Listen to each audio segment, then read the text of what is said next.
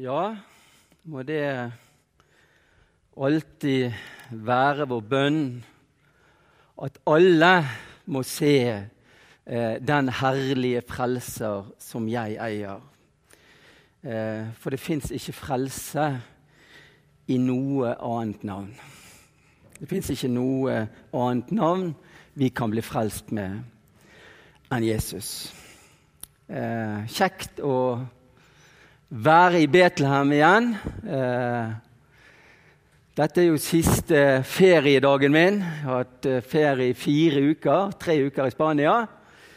Og uh, siste uken her i, i, i Norge. Litt sånn forefallet hagearbeid som jeg har sett på altfor lenge.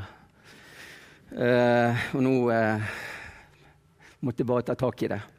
Men det var kjekt å være i Spania òg, og fikk òg være på gudstjeneste på Solgården og høre bl.a. Eivind Skeie.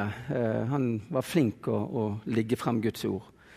Eh, men det er noe eget å komme hjem i eh, den forsamlingen jeg tilhører. Det er no, et ordtak som sier 'borte bra, men hjemme best'. Eh, og det, Jeg kjente det var godt å, å kjenne på fellesskapet. og Jeg kjenner på glede og takknemlighet for å eh, ja, begynne på jobb igjen i morgen og, og eh, starte en ny høst. Sånn, det, har vært, kjekt med ferie, og vi har hatt det fantastisk flott. Og så er det noe med alt til sin tid. Kjekt med ferie, og så er det kjekt å, å komme i, i, i, gang igjen. Eh, jeg hadde tenkt å ta utgangspunkt i dagens tekst, men eh, jeg kommer sikkert til å gå i en helt annen retning enn det som er, er forventet. Eh, og det er fordi at jeg, jeg, eh, det var det jeg kjente på at jeg skulle gjøre. Og så får vi eh, se, og så får vi ta det derfra. Men eh, teksten for i dag den er hentet fra Lukas 8, de tre første versene. Nå kan vi godt reise oss når vi leser dagens tekst. Lukas 8, fra vers 1 til 3 i Jesu navn. Og Overskriften over dagens tekst er 'Mange kvinner tjener Jesus'. Deretter skjedde det at Jesus gikk gjennom hver by og landsby, og han ropte ut og forkynte evangeliet om Guds rike. De tolv var med han. Det var også noen kvinner som hadde blitt helbredet fra onde ånder og skrøpeligheter. Maria, som ble kalt Magdalena, som sju demoner var kommet ut av. Og Johanna, hustru til Kusa, Herodes forvalter og Susanna og mange andre som forsørget han med det de eide. Amen. Vær så god, sitt. Eh. Her eh, møter vi Jesus og disiplene eh, som er ute og forkynner evangeliet om Guds rike. Eh, og det står det at de, de drar fra byer eh, De drar fra hver by og til landsby. Og så roper de ut evangeliet om Guds rike. Eh, det var viktig for Jesus eh, å formidle evangeliet. Det var viktig for Jesus eh, å formidle Guds rike. For Jesus visste at det evangeliet om Guds rike det er det som kan sette mennesker i frihet. Og så står det det at en del kvinner var òg med, blant annet Maria Magdalena, Johanna, eh, konen til Kusa, som var forvalter av Herodes, og Susanna og mange andre, står det. Det var mange andre eh, som fulgte med Jesus. Og så står det det at de, de tjente Jesus med det de hadde. Og så tenker jeg det Hvorfor det? Hvorfor var det så mange kvinner som fulgte Jesus? Og nå kunne du eh, dra denne teksten i mange retninger og snakket om kvinners plass i, i tjenestedeling og eh, mannens plass og kvinnens plass. og Der er ulike syn òg i denne forsamlingen, og det er ulike syn i forskjellige menigheter. Eh, men det kommer ikke til å, å, å komme inn på det. Men det jeg tenker først og fremst, det er det at grunnen til at disse kvinnene fulgte Jesus, det var fordi det var skjedd noe med dem. Det var skjedd noe i livet deres som gjorde at de fulgte Jesus. De var blitt berørt av Jesus. Og de ønsket å følge ham. Fordi at de hadde opplevd noe, de hadde kjent noe, at det med Jesus, det ekte. Det var ikke bare religiøsitet, det var ikke bare en masse bud og regler, men det var liv.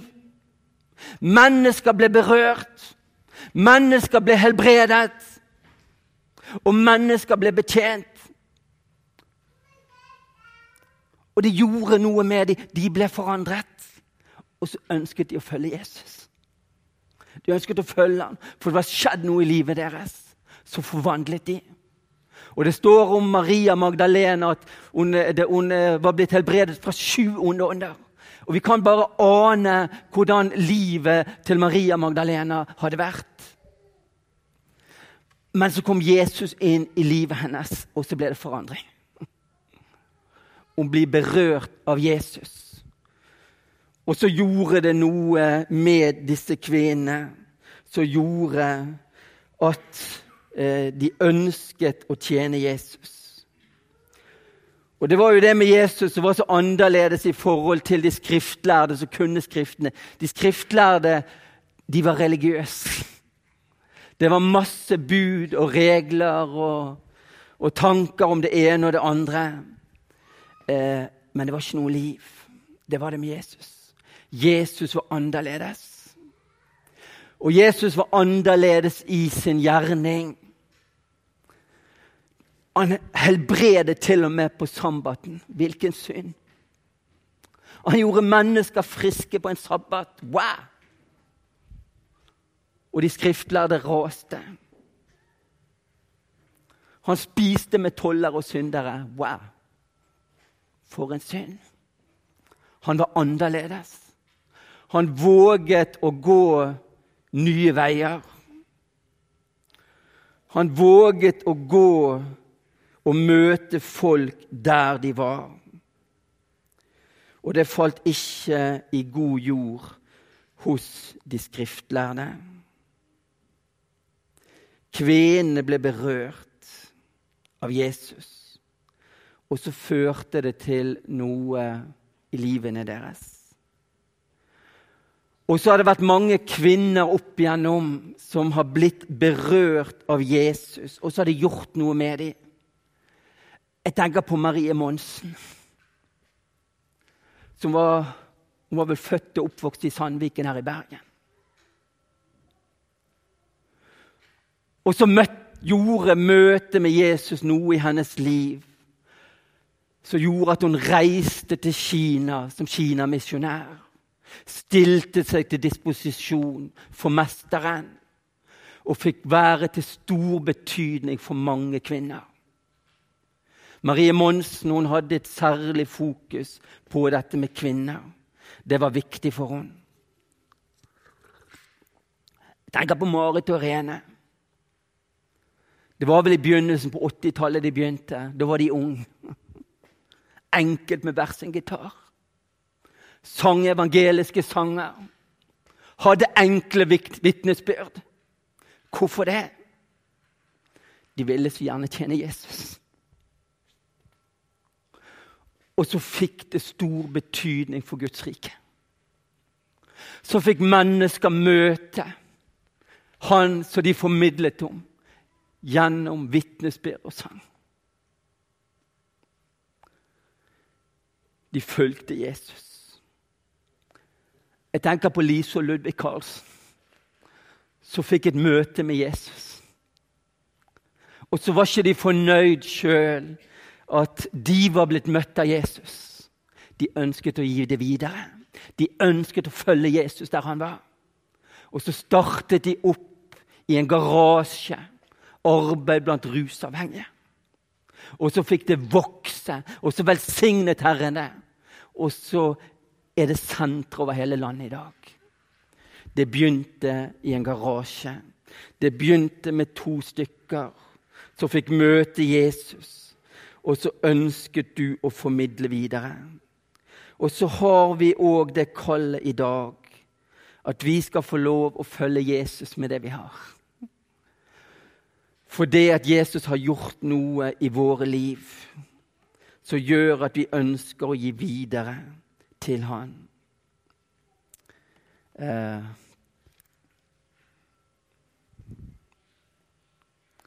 Jeg husker veldig godt når jeg ble frelst, og jeg ble veldig radikalt frelst. Jeg ønsket egentlig ikke å bli frelst, men Gud bare møtte meg.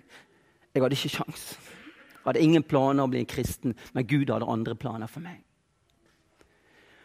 Og eh, etter det så eh, husker jeg det at eh, jeg var veldig sånn svart og hvitt. Jeg var veldig tydelig på hvem som ble frelst, og hvem som ikke ble frelst. Hvem som kom til himmelen, og hvem som ikke kom til himmelen.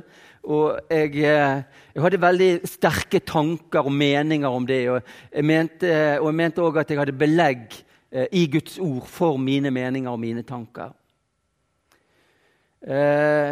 Men så, så, skjedde det noe for åtte år siden som gjorde at eh, jeg ble ydmyk. Jeg ble mye mer ydmyk enn det jeg var. Og det har jeg lyst til å dele med dere nå. Det var lørdag den 26. juni i 2010. Det var i gamle dager når vi hadde fasttelefon 55 93 88 01. Det er lenge siden den ble sagt opp. Eh, men eh, det hadde vi i 2010. Og det var Trude, konen min, som tok telefonen. Og jeg eh, var nettopp stått opp, jeg var på badet, og jeg husker det at vi hadde overnattingsbesøk av et søskenpar som hadde bodd i fosterhjem hos oss, og som var på besøk hos oss denne helgen. Eh, og Trude roper på meg, og så sier hun det at det er telefon til deg, Bjørn. Eh, det er din bror. Og da visste jeg det at det var Atle, for jeg har bare én biologisk bror. Og så eh, kom hun inn med telefonen. Vi hadde trådløs telefon. Eh, og jeg var på badet, og jeg fikk telefonen, og så sier Atle det at eh, jeg har noe trist å fortelle deg, Bjørn. Det gjelder Marius, nevøen vår. Uh, han ble drept i trafikkulykke i natt. 22 år gammel. Og Jeg kjente jeg ble helt svimmel, jeg ble dårlig, jeg eh, ble kvalm og vondt i hodet. Jeg syntes det var vanskelig å ta inn. Og uh, Atle fortalte det at jeg vet ikke om hun eldste søsteren vår hadde ringt han og fortalt det. Og jeg, jeg sa det at uh, vet du hva, Atle, jeg, jeg, klarer ikke å ta det inn over meg, det du sier nå. Uh, kan ikke du ringe ned på operasjonssentralen i politiet der du jobber, og hør med kollegaene dine og få bekreftet at det er Marius? Jeg, jeg, jeg klarer ikke å ta det inn. Det var for sterkt. Og så avsluttet vi samtalen, og så gikk det noen minutter. og så ringte han opp igjen, og så fortalte han det at eh, jo, det var Marius. Det var slutt. Han var drept i en trafikkulykke. 22 år. Jeg var fadder til Marius og hadde et eh, ja, forholdsvis nært forhold til han.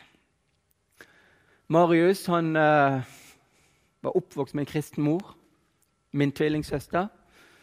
Han hadde gått på yngstes, reist på yngstesleirer, gått litt på YA her i Betlehem. Vært på noen YA-leirer. Men uh, han hadde ikke akkurat et liv som preget at han var så veldig kristen. Uh, Marius var veldig opptatt av engler, og i begravelsen så sang Tor Endresen denne sangen til Johannes Kleppeviken 'Jeg har en engel som går ved min side'. Og Det var ganske sterkt med tanke på Marius. Han var veldig opptatt av engler. Men eh, Marius han eh, hadde et liberalt forhold til alkohol. Eh, hadde masse ikke-kristne venner. Eh, hadde en samlivsform som ikke jeg var glad i. Han var samboer. Hadde overtatt huset til moren som hadde flyttet. Eh, og jeg kjente veldig på smerte over Hvor gikk du hen, Marius? Har jeg møtt deg for siste gang? Hvor gikk du hen? Dette var natt til lørdag, og eh, om tirsdagen eh, da skulle vi ha svøpningssangdag på Gades institutt på Haukeland. Og eh, den natten skjedde det noe. Trude, konen min, hun eh, bråvekker meg i eh, fire-halv fem-tiden om natten. Og så sier hun til meg det at eh, eh Så du det, Bjørn? Så, så kan jeg jo ikke sett noen ting, si. Ja, det var jo her i rommet. Så du det ikke? Nei, sier jeg. Så. Og så forteller hun det at plutselig så hadde hun sett Jesus som holder Marius i hendene sine. Og rundt Jesus og Marius så sto det en masse engler som dannet en ring som beskyttet Marius og Jesus.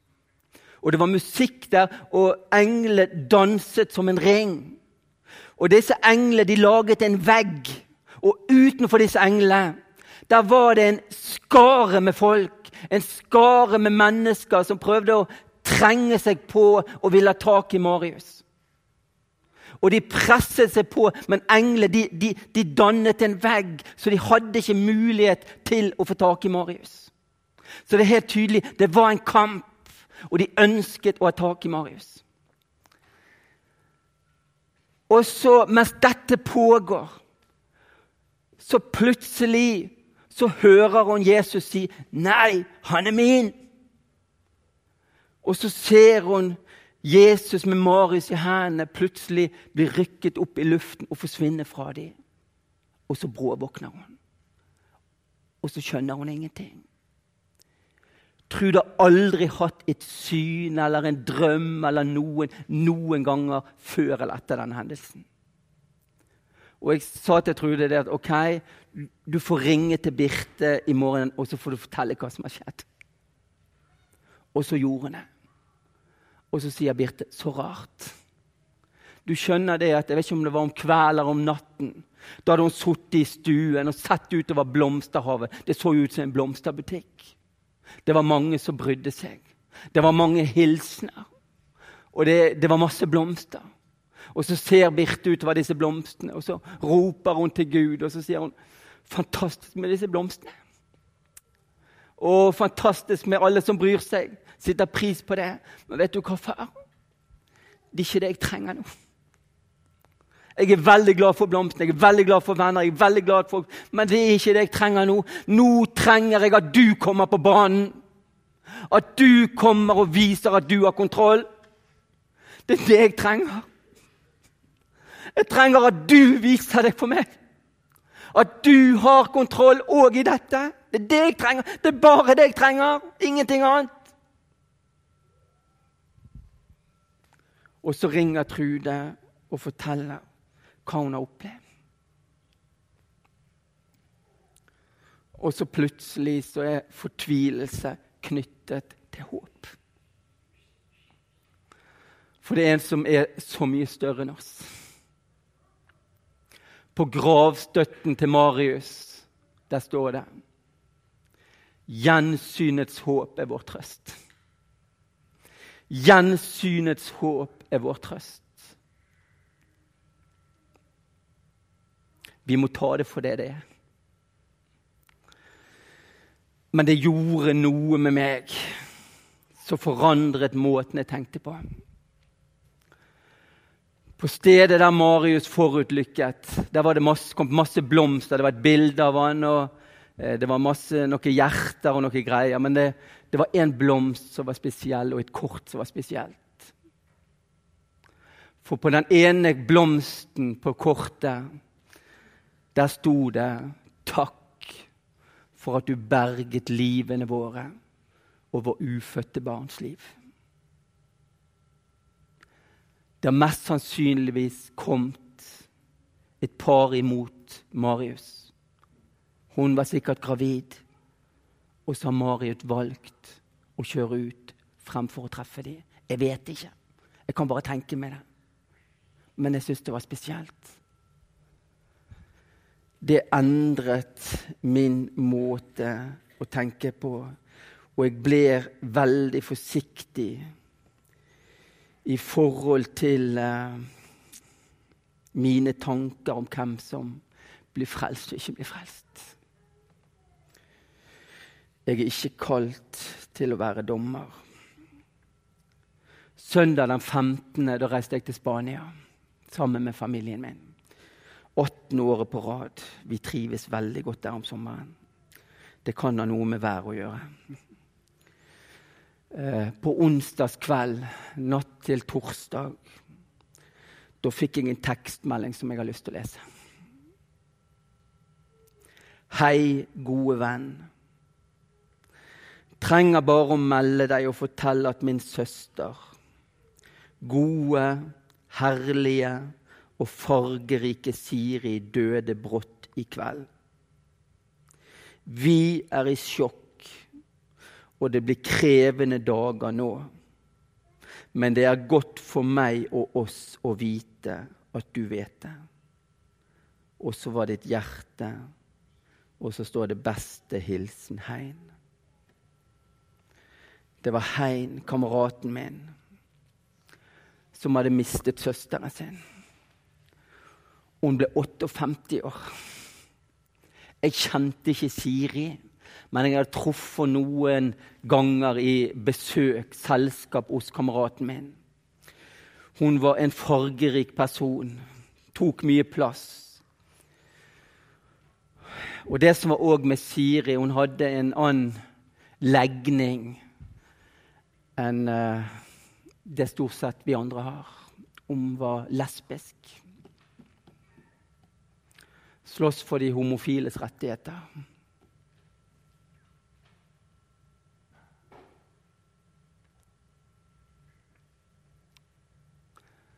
Jeg valgte å sende en melding til Hein og Toril med det som står på graven til Marius. Gjensynets håp er vår trøst. Kan du det, da? Kan jeg la være? Kan jeg la være? jeg satt til å være dommer? Er det jeg som skal vite hvem som går hjem og ikke hjem? Kan jeg la være? Jeg valgte å gjøre det.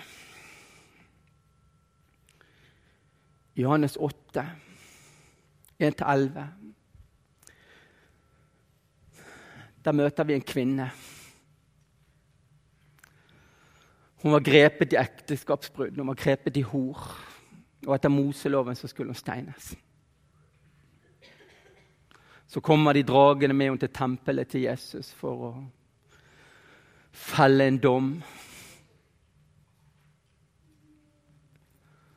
Og Så forteller de dette til Jesus og sier, 'Hva sier du, Jesus?' Hva sier du, Jesus? Er det bare til å begynne å steine, eller hva, hva tenker du om dette her? Til å begynne med så svarer han de ikke. Men så fortsetter de å spørre. Og så sier Jesus det at OK Den av dere som uten synd kan begynne å kaste Kan begynne å finne frem stein og begynne å kaste. Og da står det, det at de gikk bort en etter en, de eldste først. Og så står Jesus igjen alene med kvinnen, og så spør Eh, Jesus, hvor er de? Har ingen fordømt deg? Nei, her er ingen. Og så sier Jesus, heller ikke jeg fordømmer deg. Gå bort og synd ikke noe, mer fra nå av. Denne kvinnen som eh, hadde fortjent å bli steinet, fikk et annet møte med Jesus. Hun fikk nåde. Hun fikk nåde. Og så kjenner jeg for min del at jeg har så lett å fordømme min neste. Jeg har så lett for å fordømme de som tenker litt annerledes enn meg. Jeg har så lett for å ligne mer på de skriftlærde og fariseerne enn på Jesus. Og så kjenner jeg for min del at jeg trenger å be det som står i Salme 139, 23. Ransak med Gud, ikke alle de andre. Ransak med Gud og kjenn mitt hjerte. Prøv meg og kjenn mine mangfoldige tanker. Se om jeg er på fortapelsens vei, og led meg inn på evighetens vei. Se hvordan ståa er i mitt liv, ikke alle de andre. Og samtidig, Gud, mens du holder på kan ikke du fjerne bjelken fra øyet mitt òg? Jeg ser så dårlig. Den bjelken står sånn i veien. Og hvis du får fjernet den bjelken, så kanskje jeg kan være til hjelp for min neste. Og kanskje se såpass at jeg kunne pirket ut flisen. Men bjelken står sånn i veien. Det er så mye fordømmelse. Det er så mye selvhevdelse. Det er så mye religiøsitet. Jeg er så høy på meg sjøl. Ransak meg og kjenn mitt hjerte. Kanskje vi ble overrasket den dagen vi skal hjem. Kanskje de som vi hadde forventet, uteble. Og kanskje de som vi ikke hadde forventet å møte der, nettopp er der. Det skjedde noe eh, for noen måneder siden. Vi fikk en telefon hjem til oss. Vi måtte komme med en gang. Og vi rykket ut. Og der lå han. Tauet var fremdeles rundt kroppen hans. Han var død. Han hadde valgt å avslutte livet sitt. Den flotte mannen. Kunnskapsrik, god utdannelse. Jeg nådde han ikke til knærne på kunnskap. Nå var han død. Valgte å avslutte livet. Denne mannen hadde jeg pratet mye med. Vi så veldig ulikt på livet. Vi så veldig ulikt på livet etter døden. Jeg var tydelig på mine synspunkter, han var tydelig på sine. Han trodde det at når det var død, så var det slutt. Jeg var veldig uenig, og vi hadde mange samtaler. Og så lå han der, og så var han død. Valgte sjøl. Det som var spesielt, det var det at denne mannen sto på bønnelistene mine.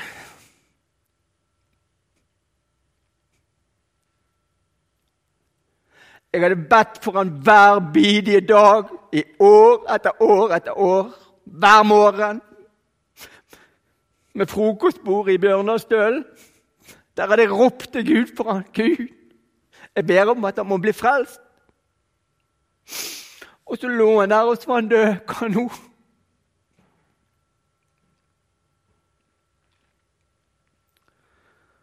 Og så kan jeg gjøre opp mine tanker og mine jeg vet ikke. Men saken er den Jeg vet ikke hva som skjedde i timene, minuttene, før han avsluttet livet sitt. Jeg vet ikke hva navn han ropte på før han døde. Kanskje han sa, hvis det er sant, det som Bjørn sier Hvis det er sant, det som Bjørn Så ber jeg om tilgivelse for synd. Og jeg ber om at du må ta imot deg. Det var en røver som ble korsfestet sammen med Jesus. Han ba om at han måtte tenke på han når han kom i sitt rike. Sannelig, i dag skal du få være med meg i paradis. Det er vanskelig å si. Men kanskje nettopp det at jeg dag etter dag etter dag, uke etter uke, måned etter måned, år etter år hadde lagt ham frem for Gud. Kanskje det var avgjørende. Jeg vet ikke. Kanskje jeg skal møte ham igjen. Men det var veldig spesielt. Vi vet aldri med Gud. Den påsken 86, når jeg ble frelst Jeg ønsket ikke å bli frelst. Jeg ønsket ikke å bli en kristen. Hadde ingen planer hun hadde ingen ønsker om det. Men hjemme på Breistøl, der foreldrene mine bodde, der var det noen som ba. Der var det en far som fastet for sønnen sin. Gud, nå får du gripe inn! Nå får du gjøre jobben din, Gud! Den leiren måtte jeg på kne. Jeg klarte ikke å la være. Det var mot min vilje. Men jeg har aldri angret. Og det sier noe om Guds kraft. Og jeg har så lyst til å si det til deg, du som er her. Du som ber for dine barn og dine kjære. Det er håp. Det er håp. Gud er på tronen nå, og han kommer sine i hu.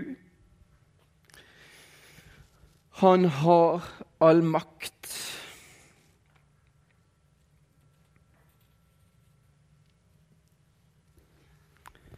Jeg glemmer aldri noe som Henrik Røykenes fortalte her i Betlehem. Eh, for en del år tilbake. Det var en lørdagskveld, og han talte her. Eh, vi vet at Før bibelskolen kom på Bildøy, så holdt de til i Sesunds gate. Og så forteller Henrik Røykenes om en episode på bibelskolen i Sesunds gate. Han forteller at elevene kom dragende med en beruset ungdom. Han ville bli frelst. Og så forteller Henrik det at eh, han hadde ikke noe tro på å be for berusede folk. Så han var litt sånn bob-bob. Men han valgte å gjøre det kanskje mest for elevene sine sin del.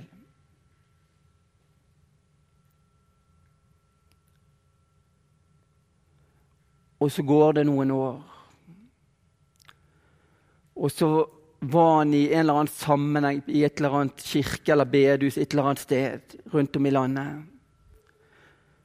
Plutselig så står det en mann fremfor han, og så spør han kjenner du meg igjen. Nei, jeg kjenner deg ikke igjen. Og så forteller denne mannen at uh, jeg er den ungdommen som disse studentene, disse bibelskoleelevene, dro med seg til bibelskolen, og du ba for meg. Og den kvelden ble frelst, sa han. Så forteller han det at han hadde reist hjem på hybelen sin ute i Sandviken. Eh, og Der hadde det vært fest, og jeg vet ikke om han bodde i et fellesskap. eller et eller annet sånt, og, og Han hadde fortalt det som hadde skjedd, og de som han bodde med, de bare lo av han, og ja, ja, vi får nå se i morgen. Også. Men han hadde gått og lagt seg. og De hadde bl.a. satt en flaske på bordet der til han, eller på nattbordet. Jeg vet ikke om det var øl eller brennevin, eller hva det var. Så får vi se i morgen hvordan det går. Og så fortalte denne ungdommen at fra den dagen så hadde han aldri rørt alkohol. Han hadde avsluttet forholdet her i Bergen, og så hadde han reist hjem der han kom fra. Og så hadde han engasjert seg i et kristent arbeid, og nå var han med. Tjente Jesus. Jesus hadde berørt ham. Og så sa Henrik Røyken at 'Å, jeg skammet meg', sa han. Jeg skammet meg sånn, for jeg hadde glemt Gud. Jeg hadde glemt Gud. For det som er umulig for oss, det er fullt mulig for Gud. Og det må vi aldri glemme. Og så må vi huske det er ikke fariseeren, det er ikke det skriftlærde vi skal følge, men det er Jesus. Vi skal holde fast ved Guds ord. Vi skal aldri gå på kompromiss med Guds ord. Men vi skal være forsiktige og ha steiner i våre hender og kaste på vår neste. Vi har et ansvar, og vi skal aldri gå Og det er jo det som gjør det så vanskelig. Vi skal være tydelige på det vi står for. Men vi skal elske vår neste og de som tenker litt annerledes, enn oss. Og så er det Gud som skal dømme, og så kanskje Gud tenker annerledes enn oss. Kanskje Gud er mer nådig enn det vi er.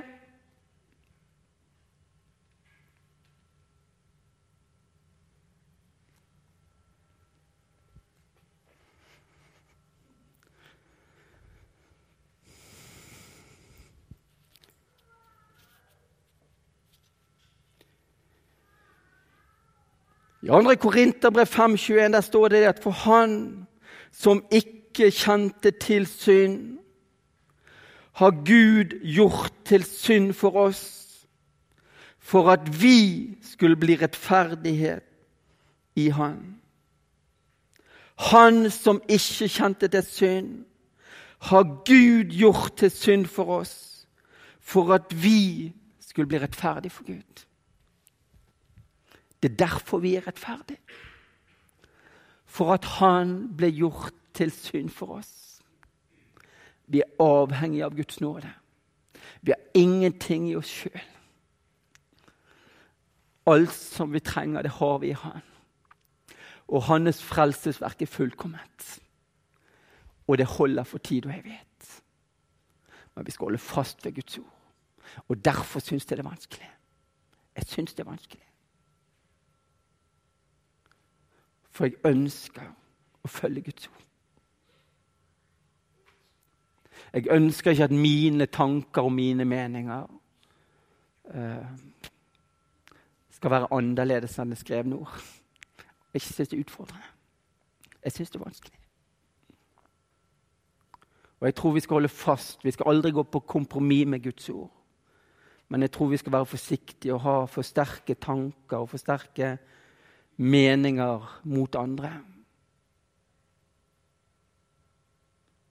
I sommer mistet vi vår elskede skistjerne Vibeke Skofterud. Den nydelige, skjønne, lyshårete jenta med de blå øynene.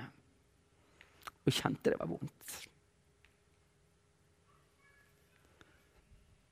Hun hadde en like skjønnet kjæreste.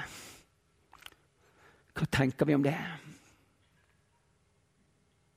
Roper vi til Gud, Gud, si nåde til Vibeke. Har hun synd, så tilgi hun.